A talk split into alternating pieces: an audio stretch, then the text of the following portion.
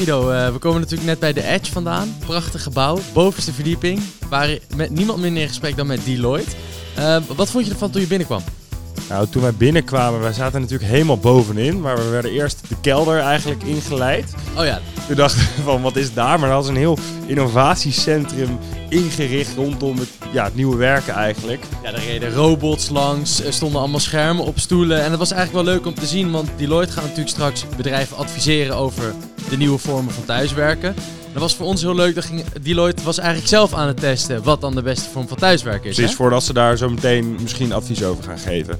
Precies. En verder, ja, ik vond het eigenlijk wel grappig, want er kwamen meerdere parallellen langs met studentenverenigingen. Volgens mij is Deloitte eigenlijk een, een wat grotere, serieuzere studentenvereniging. Voor, voor volwassenen.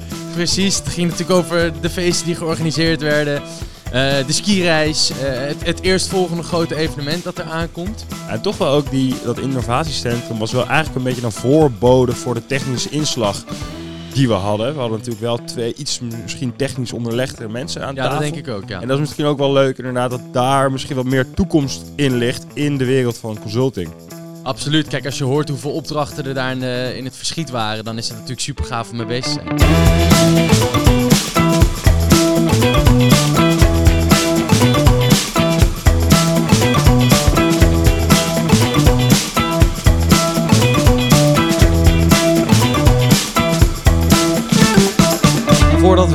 Over jullie werk, wil ik het echt even over jullie werkplek hebben. Want we zitten hier op de dertiende verdieping, als ik het niet mis heb, in een boardroom. En we kijken eigenlijk over heel Amsterdam, over de hele Zuidas af.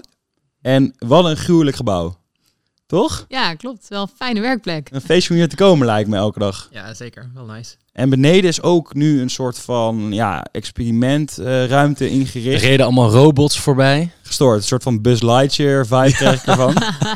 uh, wat gebeurt daar precies? Kunnen jullie het een beetje uitleggen? Ja, beneden is er op de eerste verdieping een uh, testruimte ja, in elkaar gezet. want eigenlijk als Deloitte hebben we nu gemerkt, nou, thuiswerken, dat leek moeilijk, maar hybride werken wordt misschien nog wel veel moeilijker. Uh, laten we dan ook maar het gaan, zelf gaan testen, voordat de klanten met de vraag komen van, nou, hoe moet dat? Uh, dus ja, practice what you preach. We hebben een hele verdieping leeggetrokken en uh, allerlei ja, ruimtes ingericht met VR-brillen, met zo'n, ja, Anouk van de Voice-scherm zit er in één ja. ruimte. En ja, van alles is een robot die er rondrijdt. Om echt te testen, hoe werkt dat nu, dat hybride werken? Ja, en dat dan de kleine tekentjes op de Zoom misschien niet het efficiëntste zijn voor als je wil blijven opletten, maar dat misschien iemand echt levensgroot dus tegenover je moet gaan zitten om de aandacht erbij te houden. Jorik, wat denk jij dat uh, tot nu toe de beste vorm gaat zijn? Dus een combinatie van ja, thuiswerken, maar toch wel uh, bij mensen kunnen zijn die fysiek bij elkaar zitten. Dus... Dat je zelf eigenlijk een beetje kan kiezen. Ja, precies. Ja, want in principe zitten jullie natuurlijk in, in je dagelijkse werk vaak bij een klant. Uh, denk je dat dat ook minder gaat worden? Of denk je eigenlijk dat het wel weer terug gaat nadat je hoofdzakelijk bij een klant bent?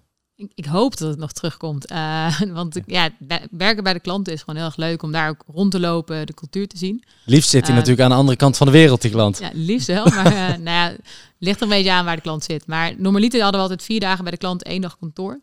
en het zal nu het zal wat meer thuiswerken zijn. Ik denk dat we ook al geleerd hebben dat als je echt iets moet uitwerken, dat kan prima thuis. Ja. maar ik hoop wel dat we ook weer echt bij onze klanten over de vloer gaan komen en daar ook gaan weer ervaren hoe het is, wat er speelt. Um, maar ik hoop dat zij ook de kantoorcapaciteit hebben. Want als het anderhalve meter kantoor, ja, passen minder mensen in. Nee, dat wordt, uh, dat wordt lastig. Nou, daar hebben we hier in ieder geval geen last van. En vier op één vind ik meteen al wel een, uh, een uh, goede statistiek. Dat is toch best wel veel uit huis dus. Ja, dat, dat was het voorheen. Ja. Dus, dat wordt misschien dus minder nu. Dat denk ik wel, ja. Gaan we even kijken wat, uh, wat eruit komt. Ja. Oké, okay, en voordat we nou helemaal op jullie werk ingaan, moeten we misschien heel even toelichten.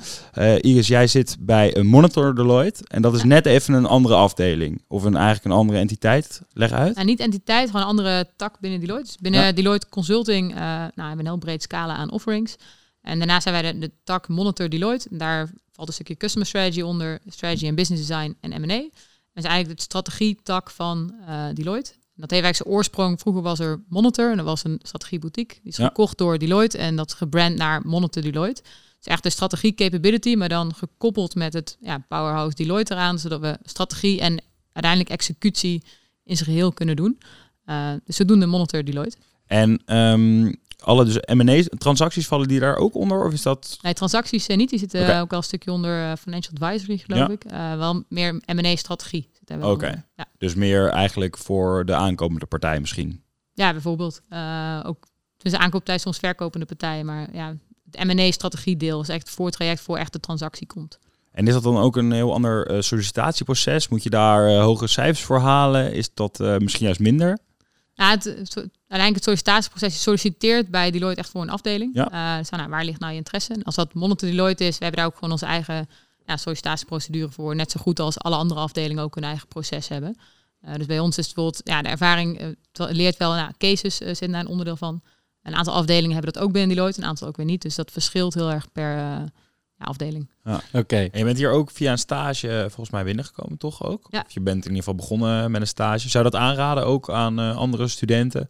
Van om er op die manier even aan te proeven? Ja, ik vond het wel leuk. Dus ik heb zelf mijn uh, afstudeerscriptie hier geschreven. Ja. Uh, niet bij Monitor Deloitte overigens, maar bij uh, dus een afdeling die veel meer op de logistieke processen zat. Omdat ik nog zat te kijken, vind ik dat heel leuk of wil ik echt strategieconsulting? maar dat is zeker aan te raden, want dan kun je de cultuur proeven, dan kun je kijken hoe het is om hier rond te lopen, om hier te werken. En ook makkelijker doorstromen, denk ik, naar, naar een vaste baan. Ja, deel van het sollicitatieproces is natuurlijk ook van, nou, fit, is er een fit en, en past het? ja, als ze je natuurlijk al gezien hebben. Kun je die dan overslaan gewoon? Of is het een streepje voor?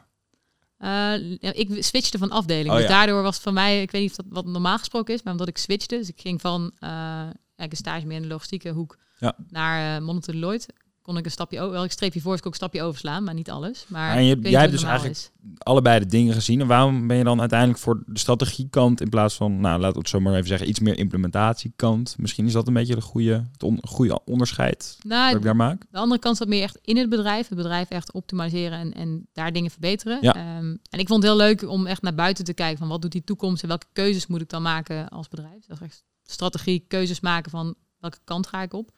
Vond ik uiteindelijk gewoon leuker. Daar lag gewoon mijn interesse meer. Ja. ehm, Iets meer hoog over vogelvlucht Ja. eh, view, inderdaad. Jorik, jij zit op een iets specialistische eh, tak misschien. Ehm, Ja. Vertel. Ja, dus ik zit in de Technology Strategy and Transformation eh, team binnen Enterprise Technology and Performance. En wat we daar doen is eigenlijk de strategie die inderdaad dan ja, bedacht is bij Monitor of ergens anders. eh, Ja. Vervolgens tot realiteit brengen. Dus echt de transformatie realiseren van ja, hoe bereik je dat punt dat je wil bereiken. En ja, zodoende focussen wij dus ook inderdaad meer op de specifieke capabilities die nodig zijn ja, om die transformatie te behalen. En wat is dan een voorbeeld, bijvoorbeeld digitale transformatie, waar jullie dan op, eh, veel op zitten? Nou, dus dan ga ik even uit mijn eigen ervaring spreken. Ja. Dus we doen heel veel verschillende dingen. Maar waar ik dan mee bezig ben is... ehm, je hebt een bedrijf die heeft heel veel verschillende afdelingen... die allemaal IT-service management doen over de hele wereld... en die doen het op een andere manier. En dan wil je dat eigenlijk consolideren... en iedereen op dezelfde manier laten werken... en de juiste systemen ervoor laten gebruiken. Dus dan ga je kijken van... oké, wat is de best practice? En dan ga je dat vervolgens overal uitrollen... zodat iedereen op dezelfde manier werkt... en dat je dus daarmee efficiënter werkt. Dus eigenlijk een multinational die eh, net even wat andere systemen wereldwijd gebruikt. En dan kijken we van wat is het beste systeem en die gaan we gewoon eh, zo glad Ja. strijken. Dus dat is één voorbeeld. Eh, een andere is misschien eentje die bekender is bij Iris. Is eh, de situatie waarbij we ja, dus bij een bank eigenlijk mee hebben geholpen met een opzetten van een fintech. Oké, dat, dat klinkt wel heel erg eh, ingrijpend ook voor een bank. Ja. Toch? Want jullie zijn, hebben ze, dit was het advies van we gaan een fintech organiseren of, of eh, op, oprichten. Of hoe zit dat? Ja, gewoon we gaan dat opzetten, een soort challenger bank. En dat kan gewoon. Oké, nou, dat klinkt wel cool. En jij hebt daar ook mee eh, geholpen, Iris? Eh, ja, ik zit ook veel op het snijvlak van een stukje strategie, innovatie en hoe we dat ook kunnen realiseren. Eh, en daarbij gingen we inderdaad kijken naar hoe kunnen we nu als ja, die bank helpen om ja, een beetje als fintech te opereren en als een soort start-up op te zetten met nieuwe technologie. Dus waar echt de collega's van eh Jorik ook in het team zaten. Nou, hoe kunnen we die nieuwe technologie dan gebruiken? Wat is ook de strategische richting? Dat was weer mijn ja, expertise daarbinnen van wat gaan we nu doen? Welke markt kiezen we? Welke producten, et cetera. Eh, ja, de hele customer journeys moesten uitgedacht worden. De UX moest gemaakt worden. Ja, alles. Oké, dus dit klinkt niet als een projectje wat in drie maanden gedaan is. Nou, dit was vrij snel gerealiseerd, moet ik zeggen. Maar eh, het is niet iets wat na drie maanden klaar is. Ik denk dat een. eh, Oké. is. Dat zijn wel langere trajecten. En hoe moeten we dat voor ons zien? Is het een, eh, een team dat bestaat uit tien mensen wat eraan werkt? Of wordt er elke keer in verschillende samenstellingen zo'n team naartoe gestuurd? Ja, het verschilt een beetje in de fase waarin je zit. Dus in het begin bijvoorbeeld een idee uitwerken kan in wat kleinere teams. En dan nou, wanneer het een grote technische transformatie wordt, dan wordt het misschien een wat groter team. Ligt er ook heel erg aan hoeveel mensen de klant zelf heeft. Dus soms heeft de, de klant zelf een, ook een team aan hun zijde wat groter is. En dan hebben ze weer minder support nodig. Dus Ja, precies. Dus dat is per saai, project wordt dat eigenlijk eh, uitgezocht wat daar, wat daar precies voor Ja. nodig is. Oké. En, en voor de luisteraar eh, die hier misschien nog nooit geweest is, misschien ook wel, ehm, is het natuurlijk erg interessant om te weten hoe die hele aankomst en, en onboarding is bij Deloitte. Ziet dat er eigenlijk voor het hele bedrijf hetzelfde uit? Of is dat ook per afdeling weer specifiek? Beide. Als je begint bij Deloitte, eh, dan is er eerst een soort introductiedag voor iedereen die gestart is op dat moment. Eh, daarnaast is er nog een soort introductie ook een binnen consulting. Eh, Deloitte heeft natuurlijk meer dan alleen consulting. Dus je begint breed en dan consulting. En daarna krijg je je onboarding in je afdeling. Dus bijvoorbeeld in mijn geval zul je dan trainingen krijgen over strategie. Ik denk in Jorik's geval zul je ook wat trainingen krijgen over nou, welke technologieën gebruiken ze, hoe zit dat. Dus eh, dan word je ja, meegenomen eigenlijk in je afdeling. Maar Jorik, daar heb je dan wel een beetje een technische achtergrond voor nodig, toch? Of kan ik ook rechten studeren en bij jouw afdeling solliciteren? Nou, ik denk dat de studie niet definieert wat je kunt doen. Want je kan natuurlijk daarnaast interesses hebben gehad. Wie weet heb je in Java zitten programmeren of iets anders. eh, terwijl je rechten studeerde. Ja. De Python cursus er doorheen geklapt. Ja. Zou kunnen. Dus het is niet echt... eh, je moet in ieder geval wel de affiniteit ermee hebben. Dus je moet het interessant vinden. Je moet wel een achtergrond erin hebben. Maar het hoeft niet te zijn dat je informatica hebt gestudeerd of zo. Is dat voor andere afdelingen wel een eis? Of is dat allemaal een beetje... Er zit geen eis misschien aan hier solliciteren? In principe, eh, volgens mij zijn met alle studieachtergronden zou je in principe hier eh, terecht moeten kunnen komen. Het ligt er inderdaad aan van nou, welke affiniteit heb je ook gehad eh, tijdens je studie, bij welke afdeling solliciteer je en hoe kun je dan ook laten zien dat jij ook affiniteit daarmee hebt. Zowel in je motivatie als misschien dingen die je naast je studie hebt gedaan, om dat aan te tonen. Hoeveel verschillende smaken heb je eigenlijk binnen consulting? Hier. Op, op hoeveel verschillende... Ja, misschien op hoeveel smaken kan je solliciteren eigenlijk? En behoorlijk veel. Ja, we hebben in ieder geval het is mij geclusterd in, in, in vijf grotere groepen. Ja. Eh, en dat varieert echt van dus, dus meer met de strategie bezig zijn, met, met de klant, eh, klantreizen, dus technologie. En de menskant is echt human capital. Dus hoe ga je nou echt om met, als bijvoorbeeld een grote corporate een transformatie doorgaat, hoe gaat het met- om met de menselijke kant van een organisatie? Dus als, er- als er à la VND gewoon heel veel mensen uit moeten... Soms wel. Zou kunnen dat, wel dat soort... gewoon, eh, hoe moet de organisatie qua cultuur gaan veranderen? Ja. Dus eh, eigenlijk alle bij fusies zijn en zo wel. kan ik me voorstellen Ja. dat dan... eh, een fusie wil van nou, cultuur A, cultuur B, hoe komt dat samen? Eh, want ja, je kan het nog zo goed bedenken, maar uiteindelijk moeten de mensen ook mee. Dus er zit een cultuurverandering in. Eh, en daar- ook daar hebben we afdelingen voor. En werkt het dan eigenlijk zo dat dus eigenlijk de strategie dan rondom die dingen bij een monitor dan wordt bepaald en dan echt de uitvoering dus meer bij de specialistische takken wordt eh, neergelegd? Ja, deels. Dus principe inderdaad, de strategie wordt bepaald en daarna komt de uitvoering. Maar het is niet zo dat om de strategie alleen maar in zijn soort ivoren torentje bepaald kan worden. Dus we nemen daarin ook wel de andere afdelingen ook vaak mee of dat het gemixte teams zijn. Ja. Omdat we inmiddels ook wel geleerd hebben van nou, omdat we dus end-to-end kunnen doen, dus ook de strategie bedenken en de executie. Als wij het in het ivoren torentje bedenken, dan zijn het onze collega's die er tegenaan lopen. Eh, en om dat een beetje te voorkomen, zijn er ook heel vaak multidisciplinaire teams die dat daarbij ook ja, de- bij de executie zorgen dat het goed gaat. Ja. En zijn ook dan internationaal eh, samengestelde teams? Want Jorik, het eh, probleem wat jij net schetst rondom de systemen die geïntegreerd moeten worden, kan me voorstellen dat je dan ook wat buitenlandse collega's hebt die er naar kijken. Ja, ja, dus in principe Deloitte is ja, wereldwijd hetzelfde bedrijf. Dus het, dat is het natuurlijk ook het leuke ervan. Je kunt gewoon iemand een mailtje sturen die in Nieuw-Zeeland zit. Als je ergens kennis nodig hebt dat daar heerst. Ja. Ehm, of dat je, daar een project is waarbij inderdaad daar een subafdeling is. Ehm, dus dat gebeurt wel eens. Ehm, dus bij ene project zijn we alleen maar Nederlanders. En de andere werken we samen met UK, US, India. Kan allemaal. En ga je ook wel eens naar ze toe dan in het buitenland? Eh, niet naar Deloitte zelf, wel naar de klanten toe. Dus dat is wel eens gebeurd. Wat was jouw vetste ervaring of de, het vetste land waar je heen mocht? Eh, nou, dus de vetste ervaring was een project waarbij we dus in Nederland zijn begonnen. En dat was uiteindelijk zo goed gegaan dat die multinational heeft gezegd van nou, doe dit dan maar op alle andere locaties. Ehm, en dan, zo ben ik dus ook naar de UK en naar de US gegaan. Eh, China daarentegen was de afdeling zo klein dat ze zeiden van ja, doe dat maar virtueel, want we gaan jullie niet daarheen vliegen voor eh, Dat is jammer. die reden. Maar en is het dan ook niet zo dat ehm, daar dan internationale collega's voor worden aangesteld? Het is dus als het plan dus kennelijk in Nederland goed werkt, dan krij- gaan we datzelfde team gaan we uitrollen internationaal. Ik kan me voorstellen dat het dus soms handiger is om mensen vanuit het buitenland erbij te betrekken. Ja, dat hangt een beetje van de aanpak van het project en hoe groot dat is en hoe makkelijk het is om uit te rollen. In dit specifieke geval was het wat we hier hadden bedacht, hadden we dan helemaal uitgewerkt en was het makkelijker uit te rollen. Ja. Maar ik heb ook projecten gehad, niet van mezelf, maar van collega's, waarbij ehm, de klant zelf zei van, nou ja, de mensen die van de headquarters die zitten hier, maar de mensen die uiteindelijk moeten doen, die zitten in India. Dus dan wil ik een samengesteld team hebben van mensen uit India en mensen hier, waarbij de mensen in India eigenlijk elkaar gaan uitleggen van hoe het Hoe werkt. werken. En dat we het hier eigenlijk wat meer gaan bedenken op die manier. Oké, dus je bent een aantal keer naar buitenland geweest voor andere projecten daar. Is het ook zo dat sommige buitenlandse collega's hier wel eens heen komen om hier projecten af te ronden? Ja, zeker. Ehm, we hebben, ja, je hebt op twee manieren eigenlijk. Dus je hebt collega's die hier komen om mee te helpen met projecten. Maar je hebt ook natuurlijk dat we mensen vanuit het buitenland aannemen. Zo hebben we binnen ons eigen team in ieder geval al 17 nationaliteiten. Zo. die- Dat is wel... eh, dus voertuig als Engels dan? Ja, in ons team wel. Oké.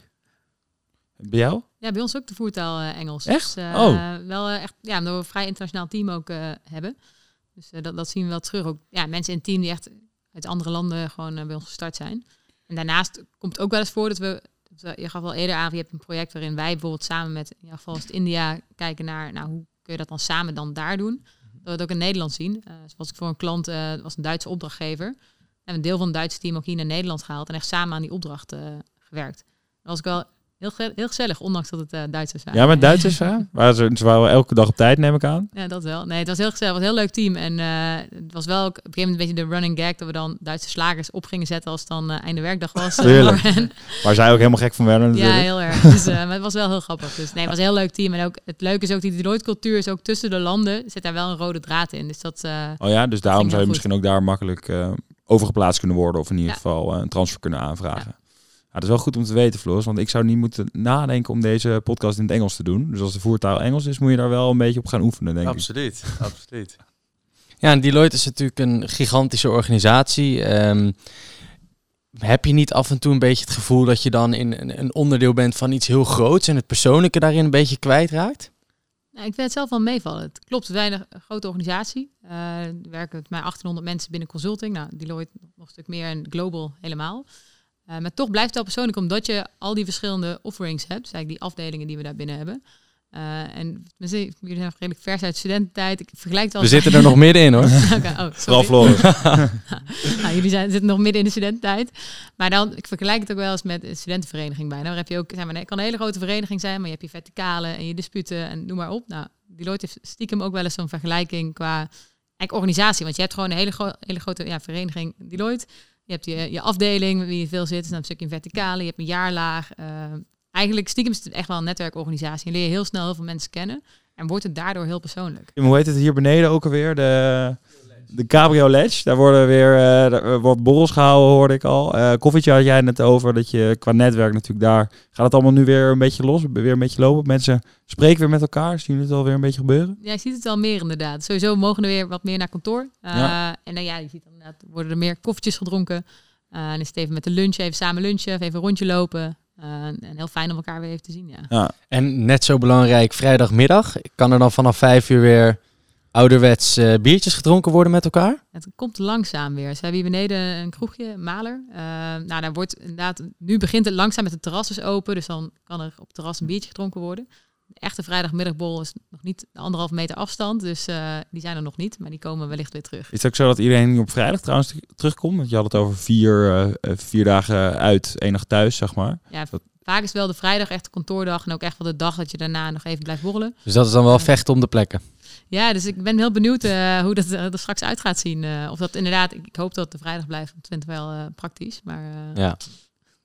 Nou, dat is natuurlijk voor de, voor de mensen die nu luisteren en, en gaan werken of stage gaan lopen. Um, die hebben daar misschien geen last van. Anderen die zijn misschien een jaar geleden begonnen. Die hebben natuurlijk een jaar lang eigenlijk die hele gezelligheid niet meegemaakt. Heeft Deloitte nu allemaal vette dingen in de agenda staan waar, waar we heen kunnen. Grote feesten, evenementen. Wintersporten. Ja, ik bedoel, uh, zo moet straks in september of augustus natuurlijk wel wat, weer wat gebeuren. Nou, de, de, eerste borrels worden weer langzaam gepland, dat wel. Uh, ik weet niet of we per se een heel groot inhaalfeest hebben. Ik vind het wel een goed idee om een keer te gaan pitchen. Dus, je uh, kijkt hier het in het Olympisch Stadion. Dus ja, kijk, Jorik steekt zijn hand al op. Dus ja. volgens mij... Ik hier de juiste persoon aan tafel. Ik oh. zit bij Jong Deloitte en we hebben een plan om in september een heel groot feest te organiseren. Jong Deloitte, dan moet je misschien nog heel even uitleggen wat dat uh, precies ja. inhoudt. Jong Deloitte zou je een soort van als de, ja, de studievereniging van kunnen organiseren. Dus we organiseren eigenlijk al. Gewoon een verlengde studententijd, je merkt het al. Guido gaat op puntje van stoel zitten. Dus we organiseren ja, eigenlijk alle sociale activiteiten um, voor ja, de jongeren van Deloitte. Dus dat is iedereen onder de 35 die nog geen manager is. Oh, en die mogen, de anderen mogen ook niet komen? Nee, die mogen ook niet komen. ja, dat is goed hè. Smatig, je wil hè, natuurlijk zo'n niet dat de 35 partner erbij is wanneer je lekker eh, los aan het gaan bent. Nee? Nee? Borrelen. Dat, dat, die Nee, die is mogen vrijdagmiddag wel komen, maar dan bij de grote feesten niet. Ja, precies. En, en kan je al misschien een tipje van de sluier? Komt er komt Leeuw Kleine? Of, eh, Nou, we moeten hem nog eh, uit, uitwerken helemaal. Dus we hebben net eigenlijk bedacht van... Oké, alles begint open te gaan. Mensen zijn gevaccineerd per september. Dus we kunnen nu echt een plan gaan maken. Want ja, dus normaal hadden we eigenlijk dat we, denk ik, om de maand of om de twee maanden minstens wel eigenlijk een evenement hadden. Zoals pubquiz, bowlen, um, etikettendiner en dus dit feestje in de zon. Ehm, maar dat hebben we nu een jaar lang niet kunnen doen. Dus, dus dat moeten we weer een beetje op gang komen. dus dat wordt dan nu om de week eigenlijk. Want je moet dat hele jaar nog inhalen. Ja, ik denk dat de mensen dat niet zouden kunnen houden. Nee. Maar eh, ik denk dat we wel iets meer eh, zullen doen dan normaal. Ik ben vooral even benieuwd naar het etikettendiner. Wat doe je daar precies? Het etikettendiner is iets wat een, ja, een tijdje geleden begonnen is. En dat doen we ieder jaar. En dan gaan we eigenlijk gewoon allemaal net in pak eh, gaan we uit eten. En dan krijg je dus het etikettenboek. En dan weet, krijg je te horen van ja, hoe je moet eten. Ja. Hoe je het echt, eigenlijk moet doen. Ook, Ja. krijg je dan ook te horen zeg maar, hoe je met bijvoorbeeld Chinese klanten om moet gaan? Of zo? Dat zou, zou me handig lijken misschien. ja, dus het hangt een beetje af van de... Dus in dat geval hebben we altijd een partner die het presenteert. oh, die mag er dan als Die enige er dan nog bij zijn. En betalen. Dus een gewilde positie. ja, precies. Begrijp ik. Eh, en ja, het is inderdaad de, de draai die ze eraan geven. Van eh, ja, hoe ga je met klanten om? Eh, dat was de vorige keer inderdaad. Maar dan komen de pakken dus weer uit de kast. Want eh, als we hier zo om ons heen kijken, heeft eigenlijk niemand een pak aan. Was dat daarvoor wel? Of omdat jullie zoveel bij klanten natuurlijk ook op bezoek zijn? Nou, je merkt op kantoor is sowieso altijd wel een beetje business casual. En ik denk nu met het thuiswerken is het wat meer naar casual gegaan, moet ik toch wel zeggen. Stiekem. Eh, en bij klanten is het natuurlijk wel eh, wat, wat netter. En daar verschilt het weer per klant. Je, eigenlijk pas je gewoon aan aan de klant. Dus als de klant Ja. in, in pak loopt voor mannen, dan ga je ook in pak. Als de klant business casual doet, nou, dan ga je ook in business casual. Eh, En heb je daar dan binnen je team iemand die je als, als coach of iemand daarboven, die, die, waarbij je dat soort dingen kwijt kan? Of eh, daarover hebt? Misschien stappen die je binnen Deloitte eh, kan zetten? Ja, zeker. Dus je hebt sowieso heb je een, een performance coach. Dus je coach van wie je het hebt over, oké, wat wil ik leren? Wat is mijn jaarplan? welk- welke skills wil ik allemaal nog opdoen? Dus met die persoon kun je dat sowieso bespreken. Ik verdienen? Wat zei? Wat wil ik verdienen? Ook Zit er dat, misschien eh, ook bij? kun je Ja. van het jaar wel. Eh, Of, die er invloed op heeft is een ander verhaal, maar Oké, je kan oké. het er in ieder geval mee bespreken. Ja. Ehm, en je hebt daarnaast elke afdeling heeft een business lead die echt een stukje de menskant van die organisatie van de afdeling pakt. Eh, en die kun je ook mee bespreken. Van, hey, ik zit niet helemaal lekker op mijn plek. eh, ik vind, mij lijkt iets anders heel leuk. Of ook met de business lead van die afdeling die je heel leuk vindt. Van hey, dit lijkt me heel tof. Kan ik een keer koffie drinken? Met wie kan ik dan het beste spreken? Dus daar, daar staat iedereen wel voor open. En dan is dat makkelijk inderdaad dat je dus eigenlijk binnen zo'n grote organisatie zit, dat de ja, verschillende teams eigenlijk allemaal op, onder één dak zitten, dat, dat je dan niet naar buiten hoeft te kijken.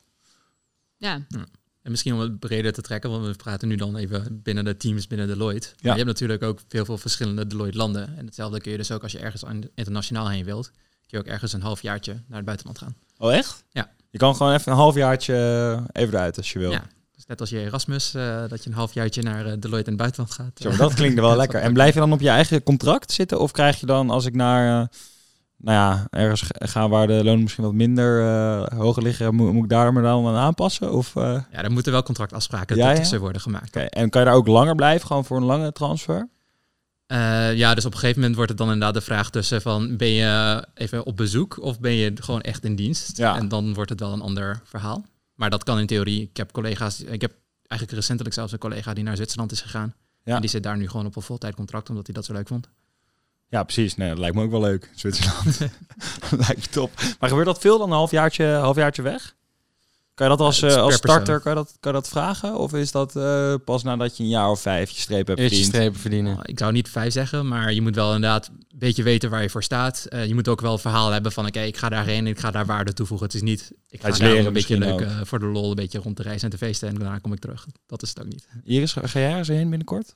niet binnenkort, maar eh, ik, heb wel inderdaad wat, wat bij mijn projecten wel in het buitenland gezeten. Maar, en ook binnen mijn afdeling collega's die bijvoorbeeld voor twee jaar in Australië zitten en Nieuw-Zeeland zitten. Mensen die deze kant op komen voor een exchange. Maar eh, zelf nog niet eh, echt de ambitie om er een twee jaar ergens tussenuit te gaan. Nee. Nee. Mooi. Ik, ik was eigenlijk ook nog even benieuwd naar hoe dat zit als je dus aankomt. Dan ben je, ben je net aangenomen. Dan hebben we de onboarding waar we het net al over gehad hebben. Ehm, krijg je dan in principe voor een jaar, word je ergens gestaft? Of eh, rouleer je door verschillende afdelingen heen? Of zijn er ook combinaties in mogelijk? In principe start je bij een afdeling en dan ga je op projecten meewerken. Uh, dus in principe doe je altijd gewoon één project vast. Dus je wordt op een project gestaft uh, waar op dat moment ook iemand nodig is. En dat project ja, ligt er gewoon aan hoe lang dat project duurt. Het kan zijn dat dat zes weken is, het kan zijn drie maanden, het kan zijn zes maanden. Uh, ligt er net een beetje aan hoe dat er dan uitziet. Al is het wel, als het echt lange projecten zijn, dan verandert je rol wel gedurende de tijd. Ah, Oké. Dus Kan je dan ook aangeven, ik ben er nou helemaal klaar mee. Na anderhalf jaar op een project. Ja, zeker. Van, uh, ik vind het echt mooi geweest. De lastige klanten, ze nemen niks van ons aan. Uh, dit is een dood paard. Uh, laat iemand anders maar even een nieuwe Ja, blik ik- opmerken. Nou, je kan altijd wel aangeven, zeg maar, ook hoe het met je gaat en of je nog, een- of je nog genoeg leert en of je het eh, nog leuk vindt. Eh, en dan wordt er altijd wel gekeken naar, oké, wat- wat past dan het beste bij de personen. Ja. Dus, ehm, Ja, ik kan me voorstellen dat het ook niet altijd per se ligt aan hoe de organisatie zelf in elkaar zit, maar dat de klant kan natuurlijk ook heel lastig doen. Hij kan ook constant weer ja, met, met commentaar komen, de dingen nog niet goed zijn. Hoe ga je daar eigenlijk mee om binnen zo'n team? nou, daar kun je er ook weer een hoop van leren. Dus ik denk soms lastige klanten zijn wel ook de klanten waar ik achteraf al een hoop van geleerd heb. Ja. Het is ook niet dat jij naar een klant gestuurd wordt en gezegd wordt, nou, succes bij de klant. Tot eh, vrijdag zie ik je dan weer. Eh, je gaat echt wel met je team, ga je die opdracht aan. En dat team heeft ook mensen van verschillende lagen. Er zit een partner boven, er zit een manager bij. Dus uiteindelijk als die klant heel lastig tegen je is en je bent zelf net gestart, dan krijg je daar ook hulp in. Het, hoe, hoe ga ik daarmee om? Hoe proberen we dit te draaien? En met je team moet je het oplossen. Ja, Dus ja, daar ga je uiteindelijk leer je daar ook wel weer mee omgaan. oké. Maar het blijft toch altijd wel een beetje deels advies, natuurlijk implementatie. Denk je nooit dus van, nou, ik heb nu advies gegeven of we hebben nu dit gedaan, maar daarna zien we het eigenlijk nooit meer terug. Dat je eigenlijk aan de andere kant zou willen zitten om het echt zelf te doen en daarop verder te gaan, door te bouwen. Ja, ik denk dat het soms wel lastig kan zijn, weet je, dat je dan een soort kindje hebt opgebouwd en op een gegeven moment moet je hem soort van vrijlaten. Ja, Zo precies. Van, nou, Succes we vertrouwen ermee. erop dat klant dat goed gaat doen. Ehm, ja, ik denk dat, ja, dat moet je, dat moet je leuk vinden. En eh, kijk, in het ergste geval komen ze terug, of in het beste geval.